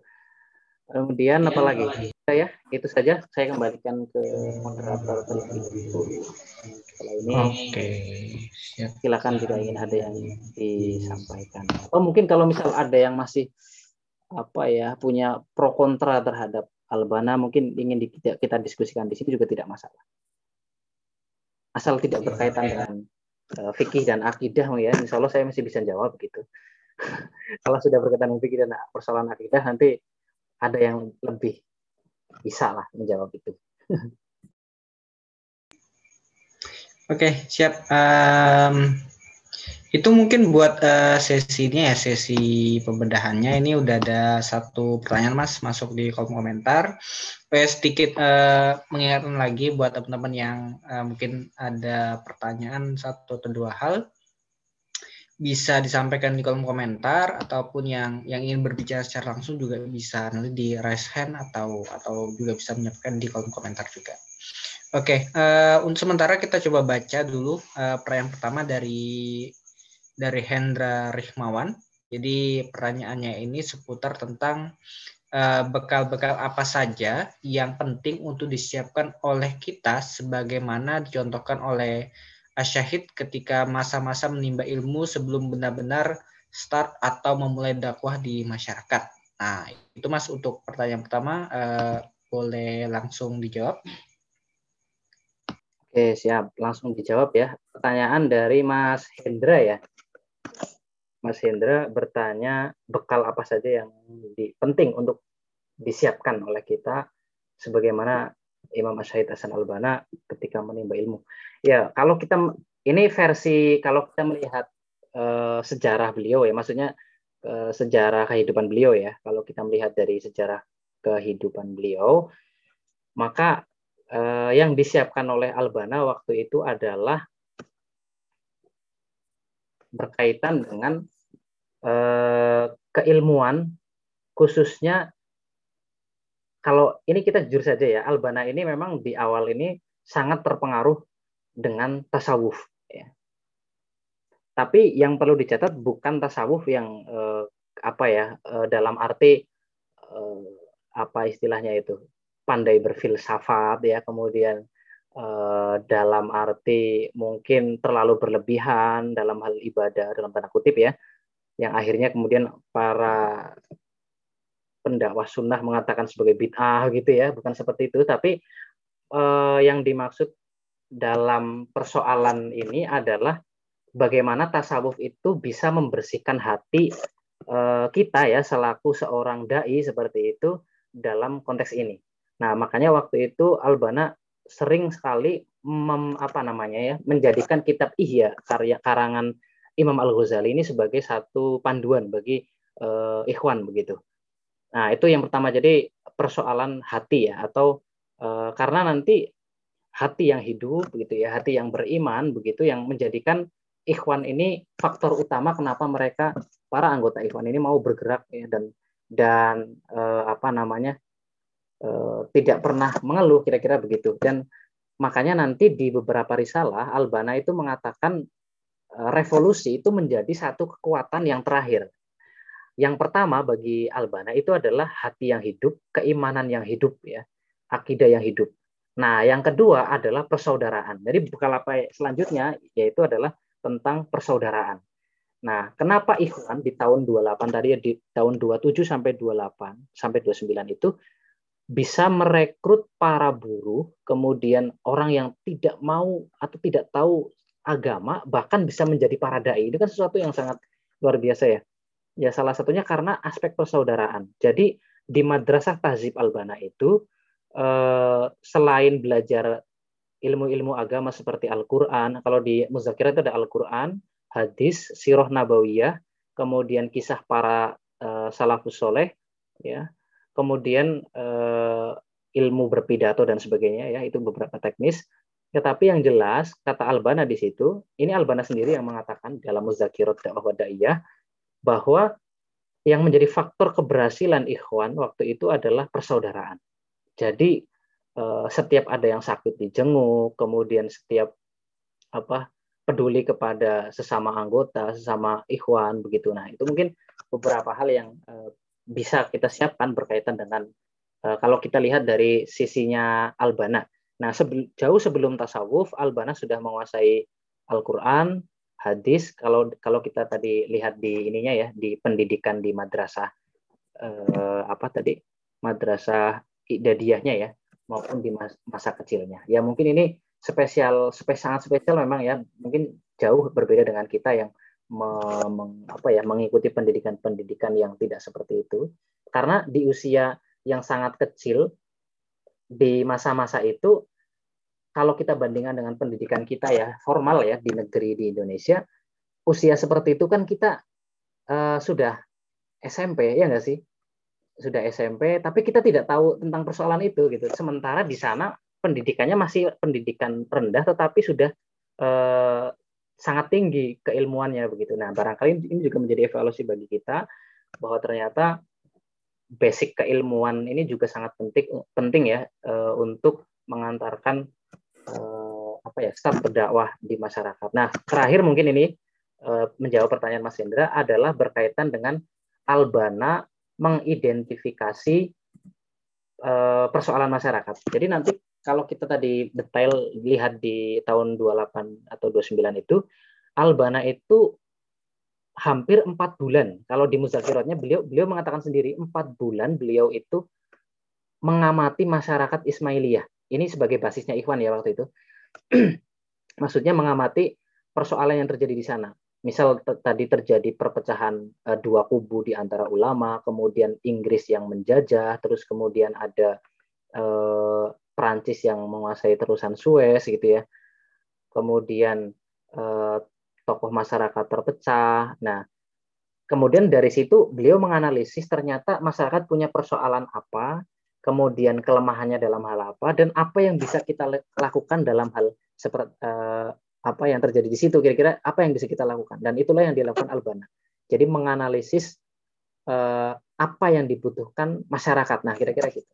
Nah itu paling ya Mas Hendra kalau kalau kita lihat dari sejarah hidupnya Albana itu ada lagi Oke, next Mas. Uh, ini ada dua pertanyaan sekaligus dari orang yang sama. Uh, biar saya coba bacakan ya Mas. Apa benar Hasan Albana ayahnya seorang Salafi dan al-musuratnya memang dari tarikat yang diikutinya?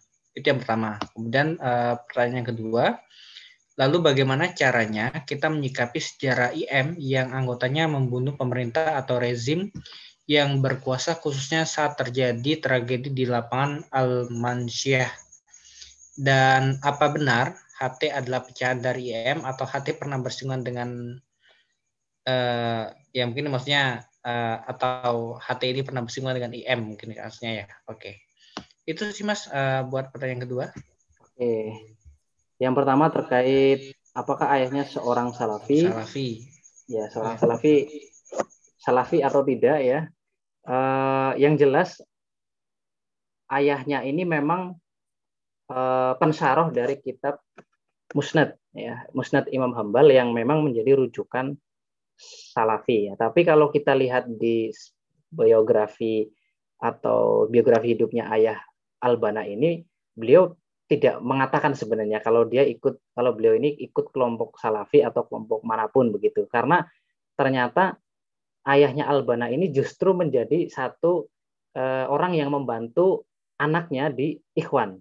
Jadi ayahnya ini membantu di bagian uh, redaksi kalau nggak salah, redaksi atau penerbitan dari majalah Ikhwan. Ya, karena kan beliau ayahandanya Albana ini kan memang seorang kutub buku dalam tanda petik ya, karena seorang ulama, ulama hadis, artinya dia punya kitab yang sangat banyak di perpustakaannya begitu, sehingga uh, Hasan Albana ini mempercayakan ayahandanya untuk mengurusi bagian uh, ini oh majalahnya kira-kira gitu. Jadi kalau secara kelompok organisasi apakah ikut atau tidak uh, tidak di catatannya tidak ada. Nah, tetapi kalau berkaitan dengan karya beliau sendiri memang beliau pensaroh dari kitab Musnad Imam Ahmad. Bahkan kitabnya ini kan dicetaknya per juz ya per jilid maksudnya. Waktu ketika beliau masih hidup itu dicetak penjilid bahkan dalam sejarahnya telah dipesan eh, sekitar 100 eksemplar kalau nggak salah eh, dari Arab Saudi langsung dari kerajaan Arab Saudi. Yang kita tahu Arab Saudi ini adalah eh, Salafi gitu. Bahkan di awal itu perjanjian bukan perjanjian tawarannya itu 2000 eksemplar kalau nggak salah 2000 eksemplar kitab beliau itu mau dibeli oleh kerajaan tapi Eh, karena ada satu lain hal gitu ya berkaitan dengan keuangan kalau salah atau apa gitu akhirnya eh, Arab Saudi hanya membeli sekitar 100 kalau nggak salah 100 eksemplar dari kitab ayahnya Albana. Nah kemudian Almat Surat berkaitan dengan Almat Surat apakah terpengaruh dari tarikat? Iya kalau kita lihat di beberapa muzakir atau catatan itu beberapa terpengaruh tetapi tidak semuanya dimasukkan. Jadi Albana juga memilah-milih ya khususnya yang uh, beberapa yang memang ada sandarannya di hadis. Nanti ada di Risalah Al-Matsurat, nanti kita bisa cek di Majmuatul Rasail yang setahu saya di Majmuatul Rasail ada beberapa ininya apa jadi ini direwayatkan oleh siapa dan sebagainya ya ada catatan kakinya ya nah meski beberapa eh, Salafi atau beberapa orang yang mungkin terlalu ketat dalam tanda petik menganggap alamat surat ini bid'ah begitu ya karena ada uh, misal doa-doa dari hadis yang lemah, terus ada beberapa karena kan bagi Salafi yang dipakai hadis ya bukan yang lemah begitu kan. Kemudian ada uh, doa robitoh ya yang baginya bagi kelompok tertentu gitu doa robito ini adalah bukan perkataan eh, bukan bukan dari nabi gitu ya tapi ini perkataan Hasan al Banna nah, sehingga eh, dalam tanda kutip dikatakan bid'ah. Misal begitu. Nah tapi kan ini sebenarnya perselisihan ya. Ketika eh, apa perselisihan furu furu sebenarnya. Ada yang menganggap seperti itu memang. Nah itu berkaitan dengan eh, tarikat. Tetapi yang jelas di dalam muzakirotnya itu Albana mengatakan bahwa tarikat yang diikutinya waktu itu sebenarnya beliau itu ikut tarikat di masa di Damanhur saja sebenarnya. Ketika selepas Damanhur ketika beliau masuk ke Darul Ulum sebenarnya keterikatan dengan tarikat ini sudah berkurang ya. Maksudnya sudah eh, secara keanggotaan sudah berkurang intens untuk pertemuan dan sebagainya. Eh, yang jelas dari alamat surat ini eh, apa namanya di muzakiratnya itu memang beliau mengatakan bertemu dengan imam kedua dari tarikot Hasofiyah Asaziliyah. Nah, jadi bukan tarikot yang sudah jauh dari pencetusnya. Kan biasanya suatu tarikot itu, tarikat ya biasanya, kalau sudah jauh dari pencetusnya, itu biasanya nanti muncul amalan-amalan atau eh, hal-hal eh, tertentu yang biasanya dianggap bid'ah. Biasanya begitu. Nah, tetapi Hasan al-Banna waktu itu masih bertemu dengan imam kedua. Di masa Hasan al-Banna kecil itu masih bertemu dengan imam pertamanya, dalam arti imam pertamanya masih hidup. Nah, Hasan al-Banna ketika mengikut tarikot ini bertemu dengan imam keduanya. ya. Kalau nggak salah, namanya masih Hasofiyah juga, imam keduanya. Maksudnya di apa klausul namanya masih ada keterangan Hasafinya. Jadi dipastikan eh, tarikot yang diikuti Albana waktu itu adalah tarikot yang bukan eh, pencetus bid'ah karena nanti dikatakan juga bahkan tarikot Hasofiyah ini memerangi bid'ah ya, dalam catatan hariannya Albana. Nah itu ya pertanyaan dari dari siapa ini? Tulisannya ya gitu. Ya kita panggil saja ya. Gitu. Nah kemudian eh, pertanyaan selanjutnya cara menyikapi sejarah IM yang anggotanya membunuh pemerintah atau rezim yang berkuasa khususnya saat terjadi tragedi lapangan manusia. Tragedi lapangan Al-Mansyah bukannya ini di terjadi di masanya ini ya, eh, bukan masanya Hasan Albana ya. Seingat saya ini di masa nanti setelah masa revolusi kalau nggak salah. Tapi pertanyaan ini mungkin nanti bisa masuk juga ke yang tadi karena beberapa di tahun 47 46 ada beberapa anggota Ikhwan yang membunuh uh, rezim waktu itu meski atas nama pribadi bukan atas nama Ikhwan karena waktu itu Albana memang menyangkal persoalan itu bahkan menuliskan di berbagai surat kabar Albana menyangkal kalau ini bukan Ikhwan tapi atas nama pribadi dan Albana menolak apa yang dilakukan oleh anak-anak muda yang membunuh uh, perseorangan dari rezim itu. Nah, bagaimana menyikapinya uh, sejarah ini? Yang jelas kalau kita mau mengacu pada pendapatnya Albana ya jelas eh, bahwa eh, apa namanya eh, yang dilakukan ini memang ber, atas nama pribadi. Jadi maksudnya bukan membawa nama Ikhwan karena badan rahasia atau nizam nizam host yang ada di Ikhwan ini bisa apa namanya kalau bergerak ya harus Albana harus tahu begitu karena selaku mursid am. Nah, tapi pada faktanya ternyata mereka ini bergerak sendiri atas dasar pribadi mereka. Mereka ingin bergerak sendiri karena melihat mereka terla, eh, apa namanya ya, memperlakukan ikhwan dengan kasar, mereka memperlakukan eh, mereka berkhianat terhadap bangsa karena mereka berkoalisi dengan Inggris. Nah, kira-kira gitu. Nah, jadi begitu mungkin untuk menyikapinya ya. Yang jelas kalau seandainya ada orang yang bertanya terkait ini ya memang kalau kita mau menjawab versi Hasan Albana ya seperti itu. Walaupun kalau kita lihat secara detail memang ini menjadi satu apa ya e, menjadi sesuatu yang dalam arti negatif pada tubuh ikhwan karena eh, apa ya? Kalau mungkin kalau versi pengamat itu istilahnya Albana tidak bisa mengendalikan nizam host. Kira-kira gitu ya dalam tanda kutip ya. Tidak bisa dalam tanda kutip tidak bisa mengendalikan nizam host yang kemudian berbuat dalam tanda kutip kelewatan ya. Yang seharusnya tidak melakukan revolusi, dia malah berjalan sendiri sendiri dan beberapa kali membunuh bahkan membunuh perdana menteri. Eh, perdana menteri ya sampai itu. Di kisahnya Nukrosi kan seperti itu. Itu ngeri sekali. Itu ada salah seorang anggota Ikhwan yang menyamar jadi eh, apa namanya ajudannya ya. Tahu-tahu salam hormat kemudian tembak dor gitu. Itu kan itu penyamaran yang sangat luar biasa itu Nizam Kos itu. Bahkan dia bisa menyusup ke PKI itu PKI ke komunisnya Mesir gitu. Nah itu mungkin berkaitan dengan uh, penyikapan.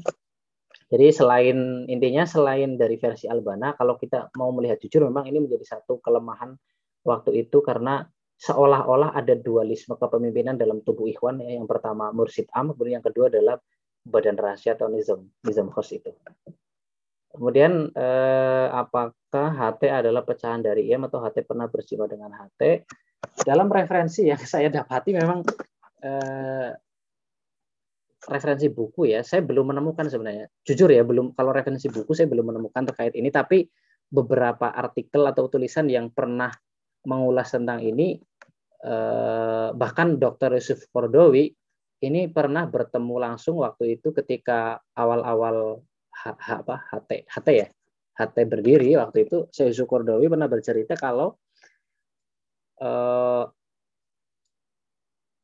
apa namanya memang anggota-anggota HT di awal itu kebanyakan adalah beberapa orang ikhwan atau anggota ikhwan yang dia itu e, ngerasa tidak sabar dengan cara ikhwan. Jadi ikhwan itu kan caranya halus ya, maksudnya halus dalam tanda petik e, nggak langsung revolusi ya dalam tanda petik. Ya.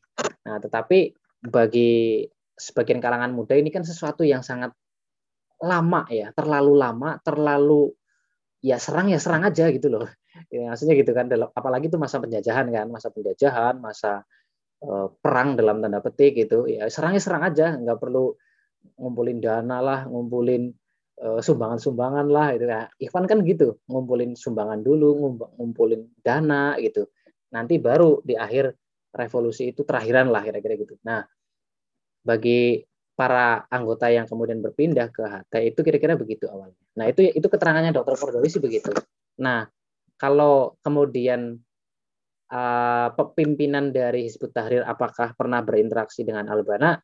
Nah, memang ada catatan dari beberapa pihak dari khususnya eh, saya pernah mendengar langsung dari tuturan salah satu seorang disebut Tahrir dari HT memang kemungkinan berinteraksi antara Albana dengan An-Nabani ini ada ya karena masa-masanya eh, pernah bertemu artinya secara usia secara hidup gitu ya ini masanya sama dan eh, wilayahnya juga eh, apa ya masih terjangkau dalam tanda kutip kita. Nah, kira-kira itu ya jawabannya ya. Mohon maaf kalau misal tidak memuaskan gitu ya. Tapi dalam buku memang saya belum menemukan kalau buku cuma beberapa referensi kayak artikel atau beberapa perkataan dari Kordowi dari Syekh Yusuf Kordowi itu pernah eh, apa menemukan hal-hal seperti ini secara langsung di lapangan kira-kira gitu. Banyak anggota Ikhwan, eh banyak anggota HT di awal-awal itu memang kebanyakan dari Ikhwan, kalangan Ikhwan yang dia itu tidak eh, sabar dalam tanda petik untuk meng versinya Ikhwan maksudnya seperti itu. Nah itu eh, Aziz ya. Oke siap. Uh, mungkin itu ya buat uh, beberapa pertanyaan. Uh, mungkin dari teman-teman di kolom komentar sebenarnya sudah ada lagi pertanyaan ya terkait uh, bedah buku pada malam hari ini. Jadi memang uh, buku ini memang tadi membahasanya memang cukup kompleks sekali gitu, mulai dari masa kecilnya Hasan Albana, latar belakang hingga nanti uh, wafatnya beliau dan sampai pasca wafatnya beliau itu dan ternyata setelah di dari berbagai kisah-kisah tadi masih ada banyak sekali kisah kisah-kisah beliau yang masih belum diungkapkan dan berbagai macam ya mungkin uh, popularitas dari uh, Hasan Albana seperti itu jadi uh, buat teman-teman yang yang masih penasaran terhadap uh, Hasan Albana atau berbagai pemikirannya. Bahkan pemikiran tadi juga belum dibahas ya Mas. Jadi uh, masih masih kompleks sekali kayak gitu pembahasannya. Jadi uh, silakan uh, buat yang masih pengen penasaran dengan berbagai pemikirannya Hasan Albana, silakan cek di Instagram. Instagram di uh, Gaza Bookstore atau di akun Shopee-nya juga atau akun marketplace-nya juga sepertinya ada ya Mas kalau nggak salah gitu. Jadi uh, silakan uh, dicek saja uh, langsung uh, apa ya pesan bukunya kayak gitu. Jadi jangan ragu-ragu lagi buat yang pengen mendalaminya. Ya mungkin itu ya buat uh, kesempatan malam hari ini. Uh, oke okay, ini. Ya oke. Okay. Jadi kesimpulannya uh, kurang lebih menurut saya dan uh, dari teman-teman sekalian uh, cukup banyak sekali yang bisa kita ambil uh, tentang kisah dari uh, Hasan Albana ini mulai dari masa kecilnya di mana jadi memang ya namanya proses berdakwah itu memang memang membutuhkan jalan yang panjang kayak gitu. Dan tidak tidak tidak serta merta uh, hal itu hal itu bisa bisa dilakukan secara singkat. Dan dan memang kalau kita melihat dari kisahnya Hasan Albana ini sama seperti para pendakwa sebelumnya uh, mereka adalah orang-orang yang yang terpilih yang dibentuk dengan dengan cara yang tidak biasa gitu dan dan jelas uh, satu hal lagi yang jadi ciri khasnya bahwa orang-orang besar itu selalu punya semangat menuntut ilmu yang tinggi kayak gitu. Oke, uh, mungkin ini ada ada sedikit pertanyaan ya dari dari yang terakhir. Monggo Mas bisa di dijawab? Oh iya. Siap. Kayak itu sebenarnya dari sudah ditutup ya sama Aziz tapi karena ada beberapa yang nanya. Ada apa ini berkaitan dengan pembahasan iya kita pada malam hari ini baru sejarah ya bahkan um, Gih, siap monggo Mas Ahmad Rubani. Okay. Um, baru sejarah tadi kita baru kronologi bahkan sejarahnya baru sampai Al Albana wafat. Belum sejarah Ikhwan sejarah Ikhwan keseluruhan sampai Ikhwan menjadi e, menerima demokrasi secara sepenuhnya ya. Karena di awal-awal Albana hidup memang beliau sempat mengkritik berkaitan sistem multipartai dan sebagainya. E, nanti apa namanya? Kalau kita mempelajari pemikiran beliau, bahkan ada pemikiran yang nanti sudah tidak relevan Makanya nanti dalam tubuh Ikhwan terjadi suatu reformasi untuk menerima demokrasi. Itu nanti ada sampai Ikhwan akhirnya bikin partai dan sebagainya. Nah, saya kira untuk kajian ini mungkin uh, belum bisa kita ini lagi ya. Ya mungkin ke depan lah semoga ada nanti di saat launching buku Rajut-Rajut Pemikiran Hasan Albana. Nah, insya Allah nanti uh, akan ada buku baru ya ditunggu saja gitu teman-teman. ini bukan promo ya, tapi memberitahukan saja insya Allah nanti akan segera terbit buku yang berjudul Rajut-Rajut Pemikiran Hasan Albana dan insya Allah di, di buku itu nanti akan dibahas berkaitan dengan eh, pemikiran Hasan Albana khususnya nanti di pendidikan dan politik serta kritik kritik dalam arti eh, pemikiran-pemikiran mana yang masih relevan dan pemikiran mana yang sudah tidak relevan. Karena nanti ada beberapa pendapat dari seperti saya Yusuf Kordowi, kemudian ada Fatiakan dan sebagainya yang mengatakan ada beberapa yang uh, sudah tidak relevan, khususnya di era uh, era demokrasi seperti ini. Nah itu paling ya uh, jawabannya. Nanti ya doakan saja semoga buku rajut-rajut pemikiran bisa cepat selesai dan insya Allah bisa mengudara di publik sehingga pertanyaan-pertanyaan teman-teman yang tadi ditanyakan bisa terjawab insya Allah. Itu saja. Jadi terima kasih ya pada malam Oke, hari ini. Siap, siap, siap. Semoga bermanfaat. Assalamualaikum warahmatullahi wabarakatuh. Waalaikumsalam warahmatullahi wabarakatuh. Ya itu ya mungkin uh, buat yang terakhirnya ya, mungkin dari saya lebih dan kurangnya mohon maaf uh, apabila ada salah kata mungkin uh, datangnya dari saya. Jika ada benar datangnya dari Allah semata. Ya mungkin saja buat malam hari ini. Uh, dan sekian terima kasih buat teman-teman sekalian. Wassalamualaikum warahmatullahi wabarakatuh. Waalaikumsalam warahmatullahi wabarakatuh